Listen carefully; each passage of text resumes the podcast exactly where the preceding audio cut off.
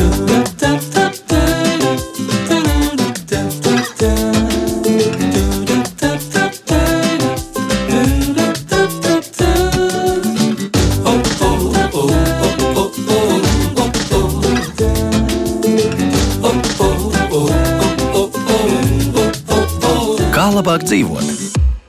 Esiet sveicināti ar jums kopā. Šorīt Kristiāna Lapiņa, rētījuma producente, šajā reizē Loreta Bērziņa, kā Aleža un pie skaņa pults Rita Karnača.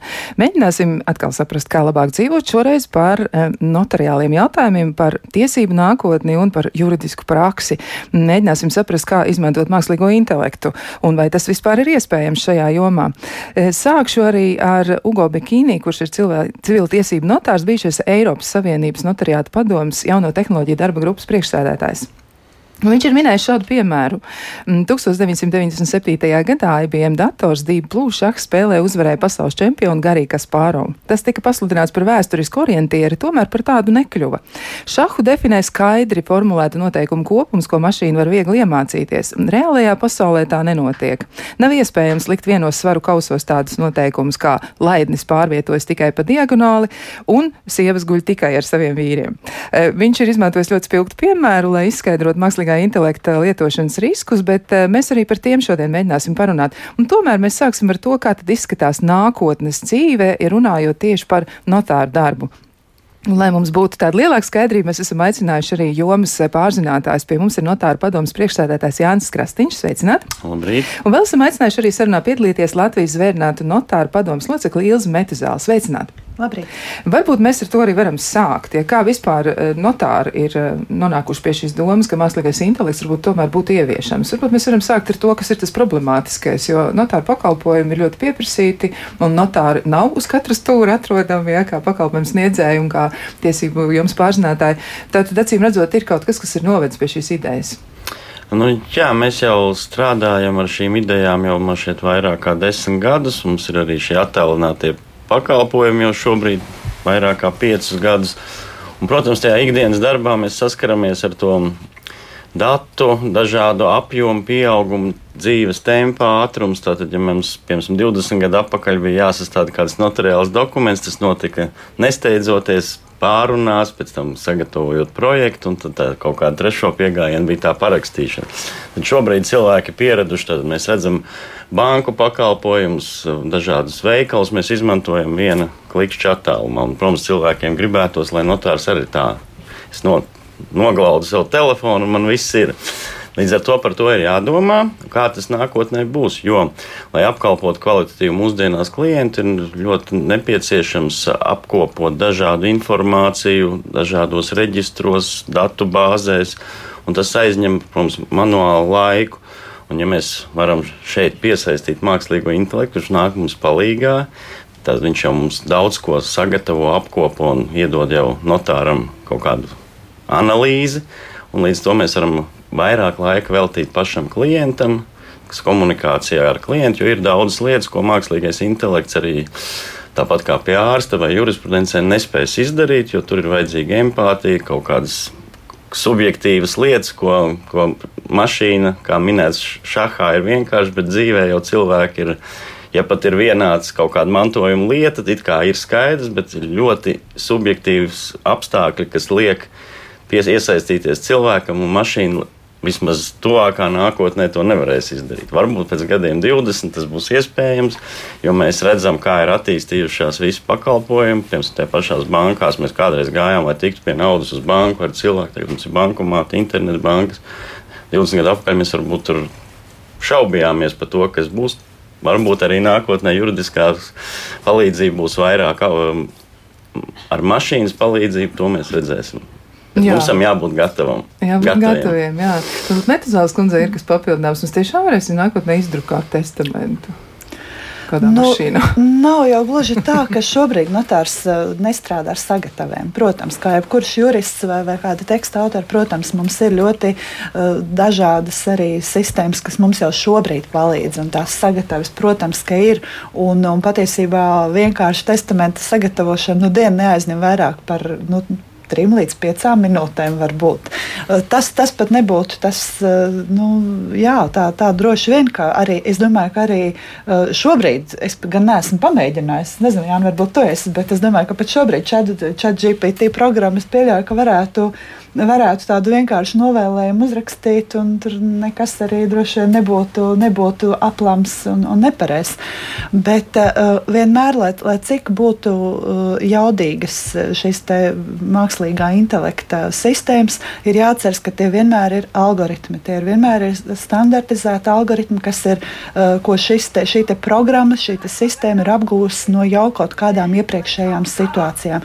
Un vienmēr būs vajadzīgs gan cilvēks, kurš pieņem lēmumu, gan, gan cilvēks, kurš uzņemas atbildību par to, ko tā algoritmu mašīna ir saveidojusi un arī cilvēks, kurš šo uh, algoritmam iedod pareizo informāciju un pareizos uh, atslēgas vārdus un varbūt pareizos apstākļus kaut kādas situācijas, lai tas uh, radītais, nu, mūsu gadījumā dokuments, lai viņš būtu atbilstošs un, un vislabākais cilvēkam, kuram viņš ir vajadzīgs. Jā, un tieši runājot arī par algoritmu izmantošanu, izskatās, ka tas ir tas kritiskais punkts, jā, jo ir arī pasaules pieredze, kur uh, mākslīgais intelekts ir ieviesis kaut kādu noteiktu rīka formā, un uh, izskatās tomēr, ka nav ideāla rezultāta, jo dažreiz ir tādas ļoti būtiskas kļūdas, nu, piemēram, viens no tādiem mm, skaļākiem gadījumiem, salīdzinoši nesenā pagātnē, ir, man liekas, ka Spānijā izmantotais rīks, ko novērš, ar kuru, mē, ar kuru starpniecību mēģināja novērst vardarbības riskus, jā, un izskatījās arī, ka šī programma, ja šis mākslīgais intelekts tomēr nespēja identificēt vardarbības riskus, un tie tiek novērtēti aplami, un rezultāts ir ļoti, ļoti traģisks dažos gadījumos bijis. Tad kā jūs domājat izvairīties no šī, jo nu, arī Krasnīkungs teica, ka milzīgs informācijas apjoms ir jāapkopo. Nu, tas tiešām ir nu, juridiskajā praksē, nu viss balstās uz informāciju milzīga. Es domāju, es gribu cerēt, ka, ka tā, tāda akla paļaušanās uz jebkuru algoritmu vairāk ir lielu nāciju problēma. Kur ir, es tā gribu cerēt. Es Tiešām es nezinu, vai tā ir. Bet uh, man šķiet, ka mēs tomēr savā uh, mazajā, nu, es pat teiktu, kopienā, savā mazajā, kāda mēs esam, mēs tā pagaidām uh, ļoti uh, cenšamies um, nu, individualizēt gan pieeju, gan attieksmi, gan, gan mums ir vēl laiks, maz, nu, tomēr kaut kādai izvērtēšanai sarunai vairāk nekā tas ir šīm daudznāciju valstīm, kur, ir, uh, nu, kur tev vienkārši ir jāiet plūsmā, jo citādāk to visu nevar neapgūt, neorganizēt uh, nekā citādi. Tāda individuāla pieeja nebūs iespējama lielās pilsētās ar daudziem miljoniem un arī lielās valstīs. Nu, varbūt būs, bet tas būs atkal ļoti dārgi. Tur ir skaidrs, ka šie procesi ir jāautomatizē.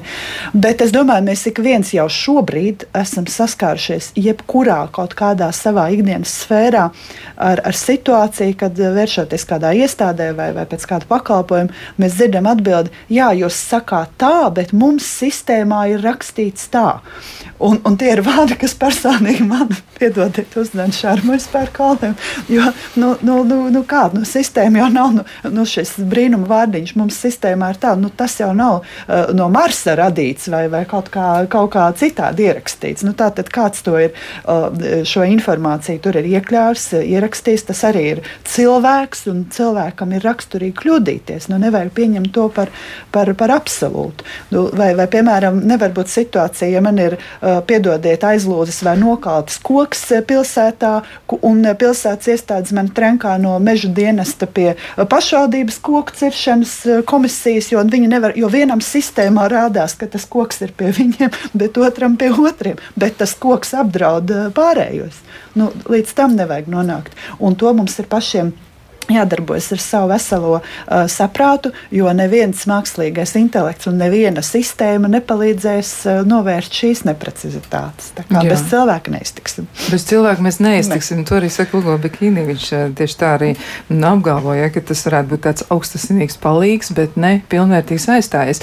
Bet, uh, nu, vēl tieši domājot par to informācijas apkopošanu un arī par rīku, ko tad uh, notāri taisās izmantot, nu, kas tad ir uh, plānots, kā tas izskatās šobrīd un kas ir tas, varbūt, tas nākamais nākotnes? Nu, aktuālākais, protams, ir tās šobrīd komunikācija ar klientiem. Mums ir vairāki kanāli, telefoni, e-pasti, mūsu diginotārs, WhatsApp, vēl visādas, nu kā nu kuram, no tam ir kā 4-5 saziņas kanāli. Un tad ir mums tas pirmais ir tātad, nu, klients jau arī ir neizprašanā. Viņš mēģina sazināties pa vienu, pa otru, pa trešo, un tad notiek tā tāda, tāds kokteils, un tur vienā ienāk kaut kāda informācija par to, tad tur tas, un tad kā ar to visu tikt galā. Jo mēs arī tagad daudz, kur ir daudzās iestādēs pakalpojumu sniedzēji, jau ir tie roboti, kas atbild, bet nu, mūsu gadījumā tas ir, ir grūtāk to ieviest, jo mums tās situācijas ir dažādas. Tad tas pirmais solis ir, jā, mēs, protams, rad, mēģināsim radīt šo rīku, kas atpazīst to pirmo vajadzību un sašķirot to cilvēku. Mums arī darbā ir vienkāršāki dokumenti un sarežģītāki, un tas pirmais solis viņus sašķirot. Tad cilvēks vēršas pie notāra, lai nav katreiz cilvēkam arī uzreiz viss tas pats standarts jautājumu nebūtu jāuzdod. To, to var izdarīt mašīna, tad ar kaut kādiem standartiem frāzēm, jautājumiem, saprast, kur to cilvēku klientu novirzīt. Vai viņam vajag kaut kādu vienkāršu pilnvariņu, vai sarežģītu mantojumu lietu, vai kāds darījums. Tad ir viņš tā pirmā komunikācija, būtu pirmais, ko mēs noteikti darīsim tuvākajā laikā. Jo to arī mēs, mums bija nesen 30 gadu jubileja, 8. septembrī, arī fórums, kur Bekīnī kungs uzstājās. Mums tur bija arī tas nosacīts hackathons ideja, kā, kādas idejas. Tā viena no šīm idejām bija, kā, kā primāri tikt galā ar šo sadrumstaloto komunikāciju un apvienot vienā kanālā, kurš spēj jau sadalīt, kuru kādu klientu vajadzību nonāk vai pat taisno notāram vai kādam konsultantam no attiecīgi pēc sarežģītības pakāpes. Mm -hmm.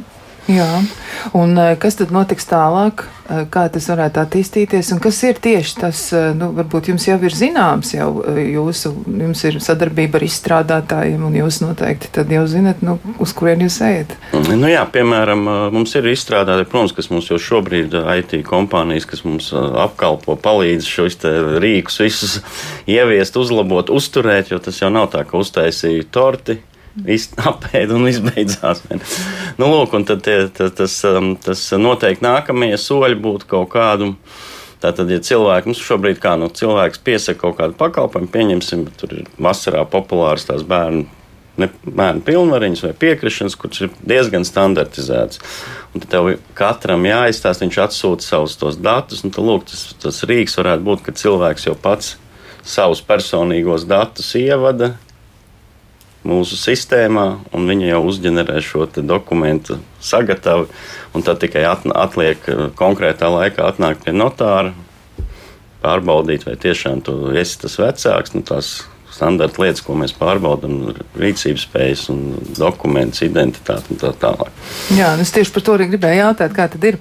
Jo ir jau arī tie mm, objektīvie dati, ja? nu, tātad identificēšana, lai, lai nav kaut kādas tādas viltus lietas, jo tur arī nu, liela daļa no juridiskās prakses, protams, ir saistīta tieši ar to, ka tur ir kaut kas, kam nevajadzētu tā būt, jo cilvēki dara lietas, kuras viņiem nevajadzētu darīt. Mm, tad, eh, nu, kā tad ir ar to?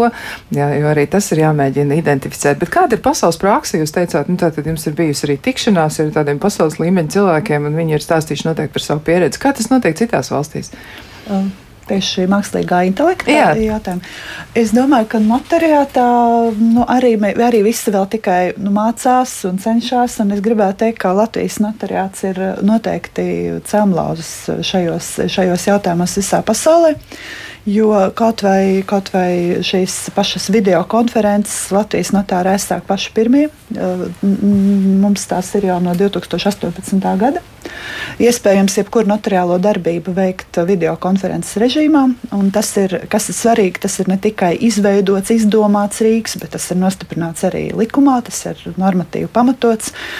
Un, Jā, un, un es vēl gribētu piebilst, ka tā ir droši vien arī tāda sabiedrības liela miedarbība un, un um, augšana šīm te tehnoloģijām līdzi, jo uh, tā pati videokonference nebūtu nekas vairāk kā saruna, ja mums nebūtu attīstīta arī šī elektroniskā dokumentu sistēma, parakstīšana, ērtums. Mm, jo tas nav tik izplatīti daudz vietā. Daudz, faktiski, man liekas, nekur. Nu, Igaunija tur ar tiem elektroniskiem dokumentiem arī stipri cenšas tikt līdzi, bet video konferenču uh, režīmā not, Latvijas notariāts ir stipri priekšā. Un, Jā, un tā, tā, tā pati mākslīgā intelekta lieta, kas ir šobrīd iedzīvināta un, un darbojas nu jau, liekas, trešo gadu, ir sejas atpazīšanas sistēma, kas mums ir šajās video konferencēs, kur, kur nu ir pilnīgi mākslīgā intelekta darbs, kas salīdzina šos personu dokumentus, salīdzina ar, ar cilvēku, kas ir, kas ir redzams ekrānā tajā brīdī un, un izvērtē šīs atšķirības, kas ir ļoti būtiski gadījumos, kad varbūt internets savienojums nav tik izcils video konferences darbā, vai, vai varbūt um, kamera nav tik, tik kvalitatīva, ir dažādi apstākļi. Tad šis inte, mākslīgā intelekta rīks ir lielisks palīgs un, un rada šo drošības sajūtu. Nu, faktiski varbūt pat vairāk nekā tad, ja tas cilvēks ir klātienē ar to personu dokumentu, jo, kā mēs zinām, dviņi mēdz būt ļoti līdzīgi un māsas un, un, un un brāļi savā starpā mēdz būt līdzīgi. Un, eh, nu, jā, tā, kā, tā kā šeit mēs esam ļoti priecīgi par to, ka ir šis, te, šis te rīks, kas, kas palīdz atpazīt to cilvēku līdzīgi, kā tas ir robežsardzē vai li, lidostā, ejot, piemēram, cauri robežu kontrolē, kur arī, arī palīdz taču mākslīgais intelekts. Jā, bet tas ir nedaudz biedējoši savā ziņā, jo arī runājot tieši par lidostu drošības eh, dienas praksi, ja tur arī ir tā, ka robežsardze vai arī tie cilvēki, kas pārbauda identitātes un arī nu, tādas aizdomas par kaut ko, nu ir gadījumi, ka viņi notur cilvēku, kurš, pieņemsim, ir nu, viens no gadījumiem, par, kur, par, kuriem, par kuriem runāts, ja, pieņemsim, transpersona, ja, tiek atpazīta kā cilvēks, ar kur kaut kas nav kārtībā, un, un tas ir diezgan ievainojoši. Ja, tad, nu, kā, kā, kā uz to jūs raugāties? Nu, kas ir tie izaicinājumi mākslīgā intelekta lietošanai tieši jūsu praksē? Nu, nu, mūsu praksē jau cilvēks grib saņemt pakalpojumu, savus, atrisināt savu juridisko kaut kādu lietu, un tad tur tādas robežsardzē varbūt ir, tur, tas ir valsts kaut kā pārbauda, man tur, es neērti jūtos, tad pie mums, es domāju, tas drusku, drusku savā, drusku citādāk, bet par to um, Eiropas uh, pieredze bija, varbūt es papildināšu, tad uh, ir divas jomas, kas ļoti strauji attīstās tieši, kur mākslīgais intelekts tiek izmantots. Tātad mums, mums ir viss, kas saistīts ar uzņēmējiem, reģistrācija dažādos reģistros, juridiska persona, jo tur ir pat ir Eiropas Savienības regula, kur jābūt pieejamam attālināt, jo mūsdienās uh, bizness ir šis pārobežu, nu, pārobežu klātbūtni, tad cilvēks var atrasties Latvijā, biznesa viņam ir Spānijā, Vācijā, un tur tā braukšana vairs nav. Nu, neatmaksās. Neviens ne, ne, ne, nedarīs, netaisīs biznesu ceļojot katru dienu kaut kur citā valstī. Tad šis jau ir praktiski attīstīts, ka visā Eiropā ir jābūt šim te. visām komercreģistram pieejamam attālināt, un tas arī strauji notiek. Otra joma, protams, ir šī naudas atmazgāšanas cīņa ar naudas atmazgāšanu, šobrīd arī sankciju ievērošana. Tur mākslīgais intelekts būtu pirmais, kas, kas varētu palīdzēt visu šo informāciju uzkrāt, jo tagad, lai pārbaudītu kaut kādu personu, faktus vai kaut ko, tas aizņem nenormāli daudz laika, un cilvēks arī var palaist kaut ko garām. Bet runājot arī par citām Eiropas valstīm, tāpat Spānija, tur ir ļoti attīstīta šī tieši notāru sistēma naudas atmazgāšanas novēršanas jomā. Tur tiek uzkrāta visa informācija, visi šaub, nu, aizdomīgie darījumi, personas, fakti. Viņi vienā datu bāzē ir un katreiz tad nākot pēc kaut kāda laika, vēl kaut kādā darījumā, jau viņš izmet ārā. Šis jau ir vienreiz kaut kur ne to darījis. Un, un tas ir tas, kas arī pie mums būtu jāattīst, jo šobrīd tā pasaule ir tā mainījusies. Tātad šī gan saku, saistībā ar sankcijām, gan arī noziedzīgi līdzekļu kursēšana no valsts uz valsti. Jo šobrīd, lai šie visi noziedzīgie nodarījumi notiek ne jau vienā vietā, pilsētā, bet pa visu pasauli principā šie grupējumi var atrasties Indonēzijā, Latvijā un kaut kur tas, tas ir tik. Te ir valstīm, gan ne tikai notāram, visām profesijām jāiesaistās un jāuzkrāj šie, šīs datubāzes. Te mākslīgais intelekts būtu tas, kas ar vienu klikšķi varētu pateikt, reku. Man te par šo cilvēku vai pat kaut kādu darījumu rekomendācijā jau ir, kas ir bijis vakar, aizvakar vai pirms gada. Jā, tāds aizdomas var apstiprināt, ja par to, ja tur kaut kas nav noticis slagā. Bet kā vispār ir ar eh, cilvēku aktivitāti? Viņi izmanto, piemēram, šīs pašas attālinātās konsultācijas. Jo šķiet, ka arī nu, pandēmija ļoti būtiski mainīja cilvēku priekšstatu par to, kā var saņemt pakalpojumu. Daudzi, man liekas, nu, tā neviļas tika iedrošināti.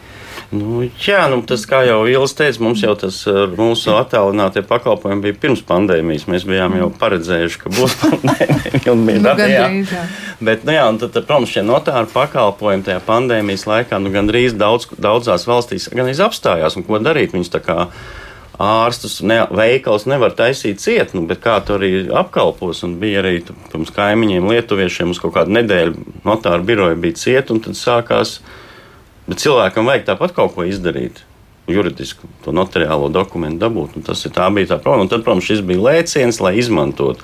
Un mēs arī redzam mūsu statistikā, kur tie attālinātie pakalpojumi, ja pir, pirms pandēmijas tie bija tur daži procentiņi, tad tagad, šobrīd, katru gadu mums tās uh, attālinātie pakalpojumu sniegšanas pieaugums ir 20-25% katru gadu nāk klāt. Tā kā cilvēki pierod, jo būsim godīgi, arī daudziem labi, pandēmijas laiks piespieda arī mums ma bērniem mācīties attālināt. Protams, gribās jau to, to normālo komunikāciju, un cilvēki varbūt nav raduši visu to izmantot un justies kā zivis ūdenī tajā jaunajā vidē. Bet pamazām, pamazām ir lietas, sākot ar vienkāršākām, kur tev varbūt tā tiešā komunikācija nav tik nepieciešama. Tad, tad cilvēki pierod pie tā, un tad jau tas viss mainās. Piemēram, arī daudz klientu, nezinu, kā tev man ir no Igaunijas. Kādreiz viņš kāpa mašīnā, brauc uz Rīgu četras stundas, parakstīja kādu dokumentu un brauc atpakaļ. Tad astoņas stundas pavadīja ceļā. Tad man daudz klīgāņu viens saka, nu, paldies jums par šo rīku. Mēs astoņas stundas no manas dzīves ir ietaupīti. Jā, būtiski mainās. Jā, nu tā ir. Un sevišķi arī uh, tie darījumi, kas ir, kad ir kāds, varbūt arī šeit ir viena no darījuma pusēm Latvijā, bet, bet tā geogrāfijas amplitūda, kur, kur tie latvieši ir, jau ir ļoti liela. Tā ir tieši tā kā pieminētā Indonēzija, Amerika Jā, un tā tālāk. Šobrīd cilvēki- pārvietojās pa visu pasauli, bet Jā, darījums kārto, protams, kaut kur vienā valstī. Jā, tā ir. Un šie attālinātie rīki mākslinieki, viņus saved kopā, fiziski atrodoties dažādās pasaules malās. Jā, tā tad eh, prakse aizvien, aizvien kļūst tāda, nu, savā ziņā izsmalcinātāka, bet varbūt arī kaut kur vienkāršāka. Ja tie rīki ir tādi ļoti, ļoti, mm, tiešām labi izstrādāti, bet ļoti palīdzoši cilvēkiem. Bet kā ir jums pašiem? Jūs esat juristi, jūs strādājat ar, ar tieslietām, jūs darbojaties šajā te jomā, bet kā ir ar pašu to juridisko vai, vai um, nu, likumisko pamatojumu? Jums pietiek tās bāzes, lai jūs varētu attīstīt šo rīku un darīt to pietiekami strauji. Kas būtu vēl jāizdara tieši no likumdevēja puses?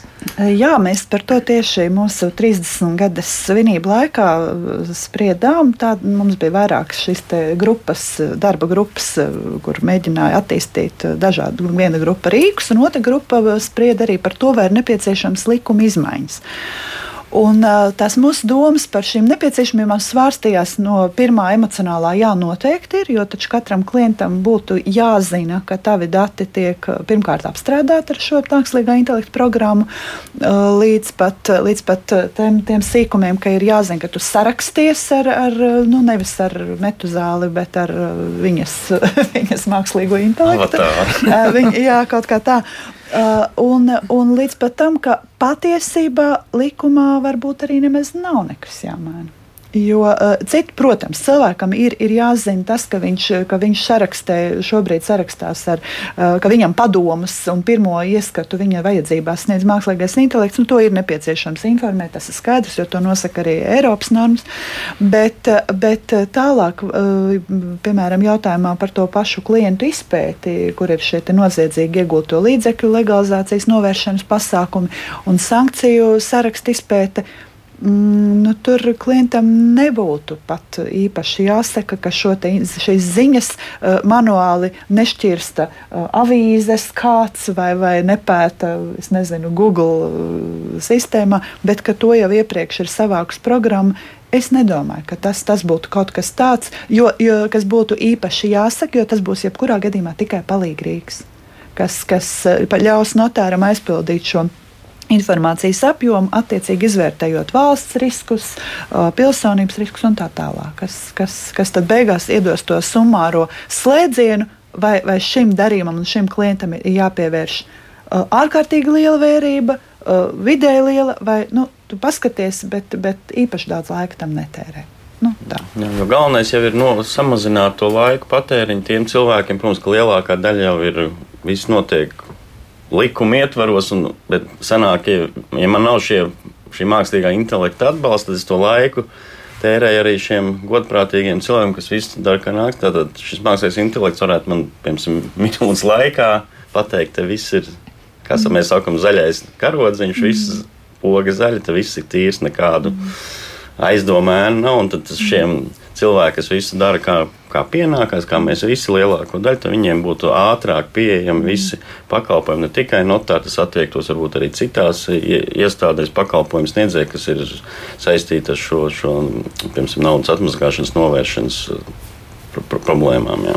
jā, bet kā ir arī ar eh, laiku, kas šobrīd tiek patērēts eh, tam, lai cilvēks saņemtu konsultāciju? Jo, protams, ir arī tā, ka notāri, nu, ja mēs iedomājamies tādu ļoti, ļoti senu metodi, ja, nu, ka būtu tad kalendārs, un tad cilvēks uzzina, nu, redz, kur tur es varu pieteikties to konsultāciju, viņš piezvan uz biroju, viņam saka, piemēram, notāri palīgs, ja, vai, vai, vai eh, cilvēks, kas strādā, nu, kā sekretārs, un, un viņš saka, nu, tad lūk, jūs varat tikt tad un tad. Kā ir ar iespēju nokļūt pie notāru uz konsultāciju vai, teiksim, strādāt ar šiem dokumentiem klientiem? Klientam nu, tikt pie sava notāra. Mm. Vai tas ir mainījies, izmantojot mākslīgā intelekta klātbūtni? Uh, jā, nu mums ir arī šis digitālais kalendārs, kurā ik viens var redzēt uh, klients šo brīvos laikus. Uh, tajā pat laikā, um, nu, varbūt tas ir drusku mūsu nelīdz galam izdarītais darbiņš, jo, rez, jo šis digitālā pieteikšanās uh, rāda brīvos laikus uz digitālajām darbībām. Tā ir tāda mūsu, mūsu nu, vēl nelīdz galam nesakārtota, nesakārtota sakārtot lieta, tas ir jāatzīst. Kā to sakārtot, um, mums ir idejas, bet tā lielākā problēma ir tajā, ka klients nevienmēr saprot, un tas ir objektīvi. Viņš nevar zināt un saprast, uh, cik ilga, ilgs laiks vispār ir vajadzīgs jau kādai viņa darbībai. Nu, piemēram, um, ja man vajag nu, pārdot īpašumu vai nopirkt īpašumu nu, tā tas nevar nekad notikt tā, ka es pierakstos vizītē pie notāra pēc trim dienām, un tad nāku ar saviem dokumentiem, kā senos laikos, reku mana zemes grāmata, reku manas robežu plāns un inventarizācijas lieta, un es te tagad pārdošu, un notārs sēž un raksta. Nu, tā nebūs, jo tā gan būtu nevisai gudra laika uh, ekonomija nevienai no pusēm, un tas ir tikai stress, un stress rada kļūdas, un, un kļūdas uh, novērš atkal vēl lielākas kļūdas, no, noved pie lielākām kļūdām, un tas nebūtu pareizi. Līdz ar to uh, faktiski līdzīgi kā pie ārsta, mēs nevaram uh, pieteikties uh, operācijai, mēs varam pieteikties konsultācijai pie ārsta. Un es domāju, ka tas, tas ir arī tas, uz ko visdrīzāk būtu šajā te, automātiskajā pieteikšanās no malas, ko varētu pats klients pieteikt. Tā varētu būt tikai saruna, jo to mēs, protams, prognozējam, ka tas ir zināms laiks, mēs sanā, bet tālāko līdzīgi kā pie ārsta tomēr organizē jau pats notārs. Vai, vai mums ir vajadzīga tai, tai, tai operācijai vai tam darījumam stunda, vai mēs zinām, ka te pietiks ar pusstundu, un, un te varbūt es jau rezervēju divas stundas, jo zinu, ka vai pat visu dienu, jo te būs nu, ļoti, ļoti liels šis darba apjoms. Jā, tad prognozēt to laiku, kas būs jāpieteikts jāpatērē tam visam, tad tiešām tas būtu tā ļoti palīdzoši. Nu jā, ir diezgan daudz ko par šo te apdomāties, un arī klausītājs aicinām darīt to pašu un sūtiet arī savus jautājumus. Un, um, nu tad um, mēģināsim tikt tālāk uz priekšu, bet uh, šis ir mirklis, kad mēs varam nedaudz atpūsties. Kā labāk dzīvot? Turpinām sarunu par mākslīgo intelektu un tiesību nākotni. Un atgādināšu, ka pie mums ir viesi, un viesi ir notāra padomas priekšstādātājs Jānis Krastīņš un arī Latvijas vērnāta notāra padomas locekli Ilze Metuzāla. Klausītāji arī ir aktivizējušies un sāk sūtīt mums jautājumus, un ar tiem mēs arī atsāksim savu sarunu. Un viens no klausītājiem raksta tā, vai notāri turpina pieņemt klātienē, jā, un cik tādā gadījumā ir garas rindas, un, un viņš gan atzīmē, ka viņi interesē tieši Rīga, ja, nu tā varētu, protams, arī būt, un tad ļoti nu, liela apdzīvot vieta, tas ir skaidrs, bet nu, šai konkrētajā gadījumā klausītājiem arī ir par Rīgu tas jautājums. Bet nu, tad varbūt atgriežamies pie pirmā viņa jautājuma, vai notāri turpina pieņemt arī klātienē, jo varētu rasties tāds iespējas, nu, ka viss, nu, tagad mākslīgais intelekts. Nē, nu, protams, e, mēs varam nomierināt šo klausītāju. Protams, ja mēs paņemam procentuāli, šobrīd vienalga pārsvarā, nospiedošā pārsvarā tie pakalpojumi tiek sniegti klātienē. Tā kā Jā. viss ir iespējams un lai tik droši izvēlās notāru un zvana, sazinās un piesakās, piesaka savu vajadzību vajadzību. Jā, un arī tad, eh, cik tādā gadījumā ir garas rindas, nu uz to varbūt nebūs tik vienkārši atbildēt, jo katram notāram drusciņi tas kalendārs atšķirsies. Nu jā, un arī no klienta vajadzības, saka, ir lietas, kuras tu vari izdarīt uzreiz Jā. Ir lietas, kur tev varbūt ir pat uh, kāds darījums, kur tev nedēļa pat jā, jāstrādā. Tas ir ļoti in- individuāli un subjektīvi apstākļi. Nu, Tā ir. Un cilvēki arī slimo un taču atceļas un, un tā tālāk. Jā, nu visādi var, var arī mainīties jā, tā situācija. Bet nu, vēl tāds jautājums ir par to, cilvēkiem reizēm ir ideja par, par to, kā kam vajadzētu notikt. Viņi aiziet pie notāra un saka, man vajag šādi, lai būtu tur. Jā, es gribu, lai man kāds kaut ko tur dāvina, jā, vai kaut kā tā. Vai tiešām vienmēr tas, ko cilvēki domā, ka viņiem to vajag, vai tas ir eh, pietiekami jā, ar to, vai tomēr viņi varbūt reizēm pat īsti nezina, kas tas ir. Un kā tur būs ar mākslīgo intelektu šajā situācijā. Jā, nu laikam šī būs tā situācija, kur, kur, eh, kur mākslīgais intelekts. eh, Nu, vai nu nevarēs palīdzēt, vai varēs palīdzēt tikai tad, ja viņam jau kā cilvēks būs iedevis kaut kādus īpašus eh, jautājumus, kurus atbildot, tad var nonākt pie pareizā secinājuma.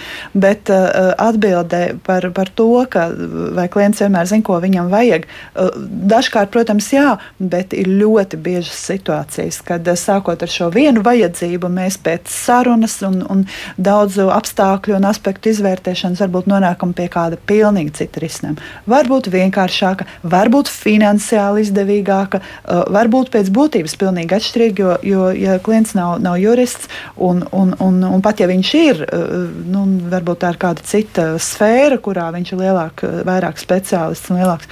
Un tas vien, ka kaimiņiene izdarīja tā un, un noslēdza to līgumu tādu, tas absolūti nenozīmē, ka tas būs tas labākais variants arī konkrētam cilvēkam. Nu, līdzīgi kā ar medikamentiem. Nu, nebūs vienas un tās pašas uh, zālītes, viens un tas pats medikaments uh, derīgs uh, absolūti šķietam līdzīgās situācijās.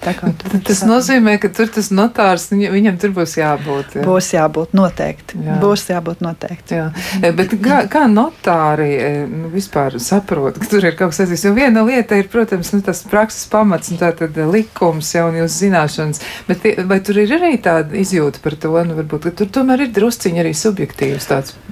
priekšstats vai, vai, vai tiešām izjūta līmenī par to, nu, kā varētu labāk atrisināt un kā Nu, cilvēki varētu būt apmierināti.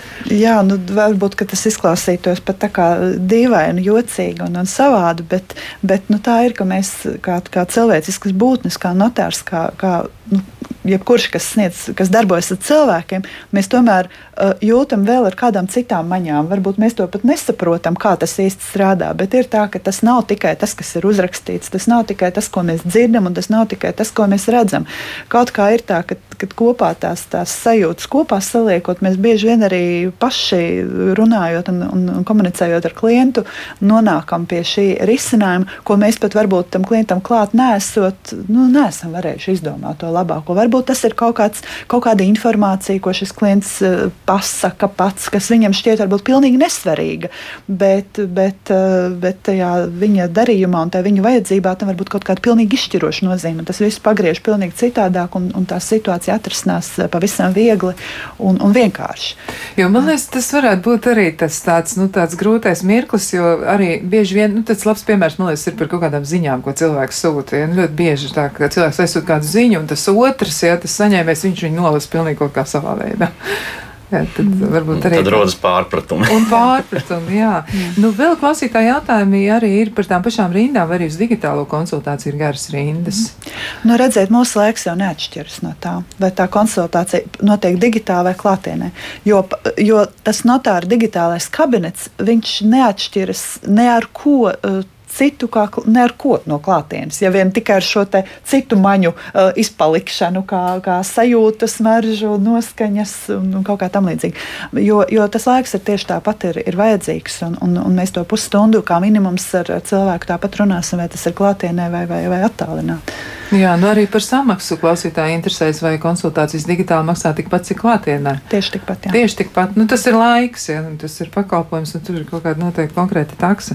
Um, jā, nu, tāda tā, tiešām diezgan daudz izaicinājumu. Bet eh, te ir arī vēl, nu, atsaucoties uz Ugo Bekīnī izteikumiem, viņš eh, nu, saka tā, ka katrā tehnoloģiskajā procesā, protams, ir zaudētājs, skumji, bet neizbēgami, un parasti visvairāk cieši zema līmeņa baltās apaklītes, advokātu palīgi un citi juristu biroja darbinieki. Nu, kā ir mm, ar. um, Tāda nākotnes redzējumu e, jums no jūsu puses, kā tas ir. Jo viņš arī atzīmē, ka lielas juridiskās firmas, kur galvenais produkts ir juridiskie atzinumi un rakstiskas konsultācijas, var izmantot mākslīgā intelekta sistēmas, lai pātrinātu savu iepriekšējā darba tālāk pārdošanu citiem klientiem, tādējādi bez darba atstājot zemāk līmeņa darbinieks. Taču, lai līdz tam vispār nonāktu, mākslīgā intelekta apmācība juridiskajā vidē nozīmē zināšanu ieviešanu programmatūrā, bet zināšanas nāk no profesijas, un tiesību sistēmas attīstās ar vai bez jauniem tiesību aktiem, sekojot sabiedrības attīstībai tāpat arī profesionālā zinātība. Ja? Nu, tāds jauks formulējums. Es, es ar to saskaros pirmo reizi, bet ļoti jauks skan.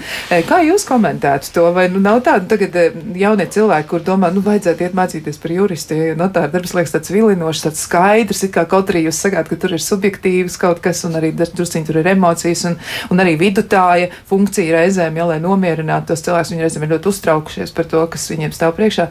Kā jūs skatāties uz to? Kā būs?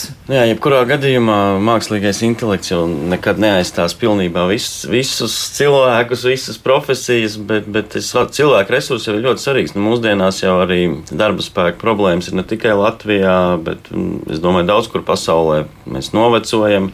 Jauniem cilvēkiem ir citas uh, vīzijas, kaut kādas lietas, varbūt viņi nav gatavi darīt to vienkāršāko darbu. Un, ja runājam par, par izglītību, jūs teicāt, nu jā, šobrīd tāda klasiskā, es domāju, ka juridiskā izglītība viena pati jau vairs nākotnē nu, neko nedos. Tur jābūt jau kombinētam. Tev jāzina ne tikai juridiskās lietas, visas tās pašas IT lietas, vēl kaut kas tāds - kombinētā izglītība. Tas, protams, atkarīgs no mūsu mācību iestādēm, bet tādas klasiski es iemācos vienu profesiju, un tad visu mūžu tur strādāšu. Tas vairs nebūs. Tas ir skaidrs, ka arī, lai strādātu notāru birojā, tev tām prasmēm jābūt daudz, daudz šautnējām, dažādām. Un, protams, kā jūs teicāt, tas, baltās apaklītes zemākas, protams, ka kaut kādā brīdī ievieš, ņemot palīdzīgā mūsu mākslīgā intelekta rīkus, būs varbūt biroja administrators nebūs nepieciešams. Nu, viņš nebūs tur jāatbild visu laiku uz zvaniem, jā, jā, ja kad ienāk cilvēks birojā. Nu, būs kaut kas, varbūt izdarīs lielāko daļu, jā, bet mēs līdz ar to varēsim koncentrēties uz labi izglītotiem cilvēkiem, kuri grib strādāt, kuri arī saņem attiecīgu atalgojumu, un mēs un vairāk laika veltam tam cilvēkam pašam. Es domāju, ka arī nu, pieņemsim arī tā pati ielas laucīšana simts gadus atpakaļ bija savādāk nekā mūsdienās. Tad ar mašīnas parkos lapas savāc, nu, vai tur pūtējiem. Nu, tas ir, tas ir normī, normāla cilvēks attīstība, ka ir kaut kādas lietas, ko, ko izdarīs mašīna. Jā. Tas nozīmē, ka izglītībā arī pievienosies eh, nu, mākslīgā intelekta kā rīka izmantošana. Droši vien arī jauniem juristiem viņiem nāksies arī ar to saskarties. Nu, man, man piemēram, tas ļoti pietrūks. Mēs esam nosacīti vecāku kalu un mācījušies klasisko juridiskās lietas. Tagad, kad tev ir arī jāpieņem lēmumi, jā, kā, ko, kā to mākslīgo intelektu izmantot. Nu, Tad tu tā jūties. Nu, nav tā bāze iekšā. Es pieļauju, ka tagadējie bērni, vismaz man bērni, jau, kas ir uzauguši vismaz jau ar telefonu rokā, nu, viņiem daudzas lietas būs pats par sevi saprotams, kas man nāca caur tādu mācīšanos vai sevis laušanu, pieņemsim. Jā. Jā, nav tik vienkārši ar to visu. Mm, nu, vēl arī tāds mm, jautājums par to, kas tad būs atbildīgs. Piemēram, ja gadījumā gadīsies nu, kaut kas. Nu, nu, ka nav ideāli, ja tas process kaut kur ir nogājis greizi. Kam tad uzvelt atbildību? Jo arī, nu, ja mēs, piemēram, domājam par to, vai mēs varam vainot mašīnu, ja, nu, tad arī ir pieminēts piemērs, man liekas, arī tas pats Bikīni to pieminēja savā rakstā, ja tad Saudarābijā 2017. gadā robots Sofija saņēma pilsonību tā iemesla dēļ, ka, nu, nu tad uh, Sofijai tad tagad var uzgrūst atbildību jau par kaut ko. Kā būs, uh, ja mākslīgais intelekts būs sastrādājis kaut kādas tādas nelāgas lietas? Nu, gadījumā notāriem. Es nezinu, vai ir daudz profesiju un amatu Latvijā, kuriem uh, ir absolūti pilns atbildības spektrs par visu, ko mēs darām, vai ar mākslīgo intelektu, vai ar dabīgo, vai ar jau kādu tehnoloģiju. Un, un, jo notārs ir atbildīgs kā civiltiesiski, tā disciplināri, tā krimināli atbildīgs par itin visu, ko viņš dara savā darbā. Un, un līdz ar to uh, jebkurā, uh, jebkuru sistēmu, jebkuru mašīnu, jebkuru tehnoloģiju vai mākslīgo intelektu rīku izmantojot, tāpat vienmēr atbildīgs ir notārs, jo to nosaka notariāta likums, un tas nemainīsies nu, nekad, jo tā ir profesijas principiāla nu, lieta, principiāls rakurs. Tā kā, tā kā tur mēs, diemžēl, tik skaista nebūs. Mēs nevarēsim pateikt, ka lūk, šo sankcionēto personu mēs nepamanījām vai, vai, kā citādi, nu, ka to, to tur tas intelekts. Nu, Sistēma nepamanīja. Sistēma nepamanīja. Jā, jā. Diemžēl mums šis jociņš, kā saka, cauri neies. Cauri neies, jā. Notārs, nu, jā, jūs uzskaitījāt visus tos eh, fokusus, ja kā tā atbildība no jums var tikt sagaidīt. Nu, man jāsaka tā, ka tur nu, tiešām trīs reizes jāpadomā, jā, varbūt arī visas septiņas reizes, jā, varbūt pat vēl vairāk, vai tiešām cilvēks vēlas eh, šajā te juridiskajā jomā darboties. Un tas tiešām ir ļoti, ļoti atbildīgs darbs. Mm, bet uh, klausītājiem tāds jautājums ir. Dzīvoju laukos, man vajadzīga notāra konsultācija, būtu izdevīgi saņemt to attālināti, bet Mans interneta pieslēgums nav stabils. Kas notiks, ja konsultācija pārtrūks, ja pazudīs internets un ja nevarēs atjaunot, vai man tādā gadījumā arī būs jāsamaksā par to, kaut arī konsultācija netiks pabeigta? Nu, tas ir tiešām ļoti, ļoti iespējams scenārijs. Ja? Nu, kā tad šādā situācijā tas tiek atrisināts? Uh, nu, ir tā, ka mēs konsultācijas jau arī ar telefonu var šai videokonferencē pieslēgties. Un, uh, man ir, nu, ir varbūt dažas reizes ir bijušas par to, ka šis internets savienojums ir par, par šķērsli kaut kam, bet uh, pirmkārt, nebaidieties, noteikti zvanīt, rakstīt, mēģināt, un, un ticiet man, arī šeit nedarbojas algoritms, ka vizīte sāka rēķinu saņēmi. Nē, šeit mākslīgais internets, intelekts mums nav pieslēgts, tā kā nebažieties, nebūs tā, ka inte, mākslīgais intelekts atsūta rēķinu līdz ko jūs esat sācis vizīti. Nē, kaut arī tā nebūs Jā. pabeigta vai nebūs notikusi. Man tā pieredze, ka ir bieži, ir, es domāju, Latvijā tur internets visur ir plus mīnus ir ok, mm. tāda biežāk ir problēma, ka, piemēram, dat, kāds dators nav tik svaigs, ja tā video konferences tehniski daudz aizņemtos baitus, vai kā viņus tur sauc. Un bieži ir tā, ka tiešām, kā Ilsa saka, telefoni mūsdienās ir jaudīgāk, varbūt pa kaut kādu laptopu vai ko, un tad ir labāk pieslēgties ar telefonu. Jo, to, jo tur jau nu, vajadzīgs tas resurss tam ierīcē. Jo internets plus mīnus jau mums nu, ir kaut kāda atsevišķa izņēmuma, bet, tad, protams, var skatīties, ja tu esi konkrētos laukos, ir dažādi operatori, kuram tajā vietā var būt labāki torņi vai kas tur, tad jāizvēlās varbūt kaut kāds cits tas pakalpojums sniedzējs, ja tiešām tā ir interneta vaina, bet man pēc pieredzes vairāk drīzāk parasti ir šīs ierīces mazjaudīgas ir vai, vai citādi ne, nu, nemodernas, ka vairs ne, nevar to visu, kā saka, pavilkt, visu to video konferences apjomu baitos vai gigabaitos, kā nu viņas tur mēra. Jā, nu, droši vien tad ir, tad ir vērts arī aprunāties varbūt ar cil tuvākajiem cilvēkiem, jo arī kādreiz ir cilvēki, kas ir nu, tiešām gados, un viņi nav tādi ļoti aktīvi dažādu viedierīču lietotāji, un viņiem arī vienlaiks ir ļoti grūti nokļūt pie notāra. Tur jāmēģina. Jā, bet mums bieži ir, ka tāpat kā, piemēram, gados cilvēki atnāk uz biroju klātienē, viņus pavada bērni, mazbērni, citi palīgi, kam viņi, kam viņi uzticās tieši tāpat video konferencē. Man ir bijis ļoti bieži, droši vien Ilsas pats, ka mazbērns palīdz vecajai mammai tur visu sastelēt, un, un, un, un, un, un tie tehniskie parametri mums mājaslapā ir aprakstīti pēc tiem tehniskiem, kas ir nepieciešams, lai veiksmīgi not, noritētu tā video konference visos tajos baitos ātrumos un kā nu viņus tur sauc. Jā. Tad tu vari, nu, varbūt Medzīlis vēl gribētu. Nē, nē, es tikai gribēju piebilst, ka īpaši tā ir video konference kā konsultācija. Nu, tad jau tā, tā, tā darbība jauda neko lielāka par, par tiem pašiem, ai, kā mēs sauc to programmu, Igauņu, kur Skype'iem, jā, kur tāpatās taču vecmāmas ar saviem mazbērniem sazinās. Un, un, nu, jā, nu, mums, piemēram, pirms vairākiem gadiem bija situācija, kad mūsu vecmāmiņa mūs norāda, kāpēc jums nav Skype, kad jā, datorā, taču visi runā par Skype, kāpēc jums tā Skype nav. Vecmāmiņa to brīdi bija, man liekas, stingri pār 90.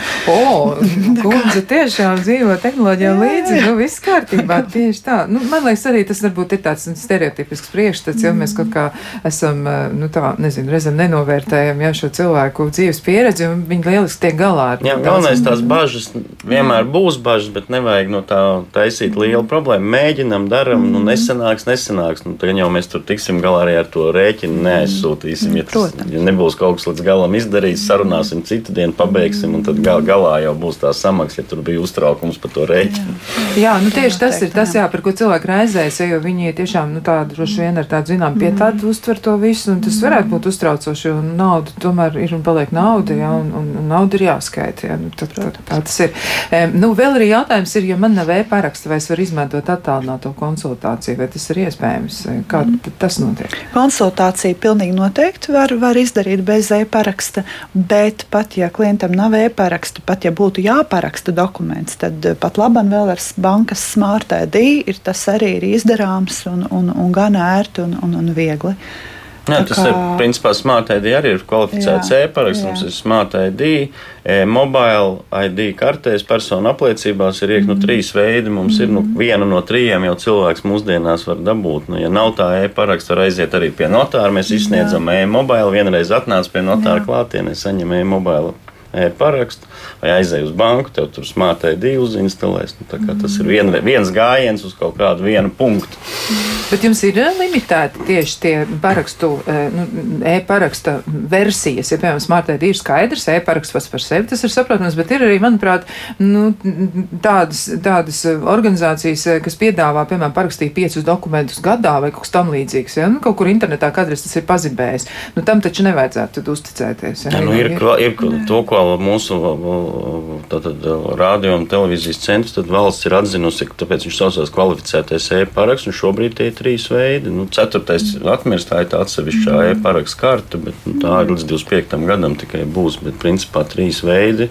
Ja nāks vēl kāds klāt, pārējie visu kaut ko, ko kāds pats izdomā, nu, viņš savā saziņā ar citiem var izmantot to. Bet to, ko ir valsts atzinusi, tad kvalificēts e-paraksts ar visu laiku zīmogu tie arī ir. Nekas cits arī mm -hmm. Nevarētu būt. Jā.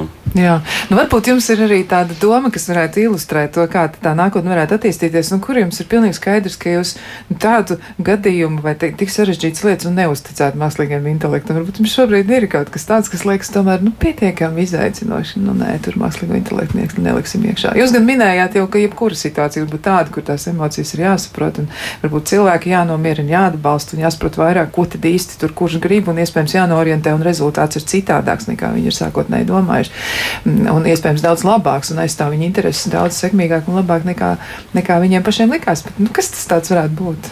Skaidru, pieņemsim, pāris grib šķirties. nu, jā, tā pieņemsim ar tām šķiršanām. Tās bieži ir um, ļoti emocionāli, tur ir klāta cilvēciskas emocijas. Jo labi, viens ir varbūt īri izšķirties, vēl tam ir kaut kādi bērni vai manta jādala. Nu, tas process nav vienkārši. Tur, ir, tur arī caur ekrānu nevienmēr ne tur tiksi līdz tam gala variantam. Ja, protams, ir pāri ļoti dažādi. Vieniem viss ir sarunāts, viss ir. Nav strīdi, bet tur, kur ir vēl kaut kādas meklēta risinājumi labākie, nu, tur ir, tur ir, tur tā varētu būt, ka Jā. Bet, zini, Jāni, man, man kaut kā runājot, man liekas, ka tieši laulības šķiršanas process ir tie, kur mākslīgais intelekts varētu ļoti palīdzēt. Kādēļ?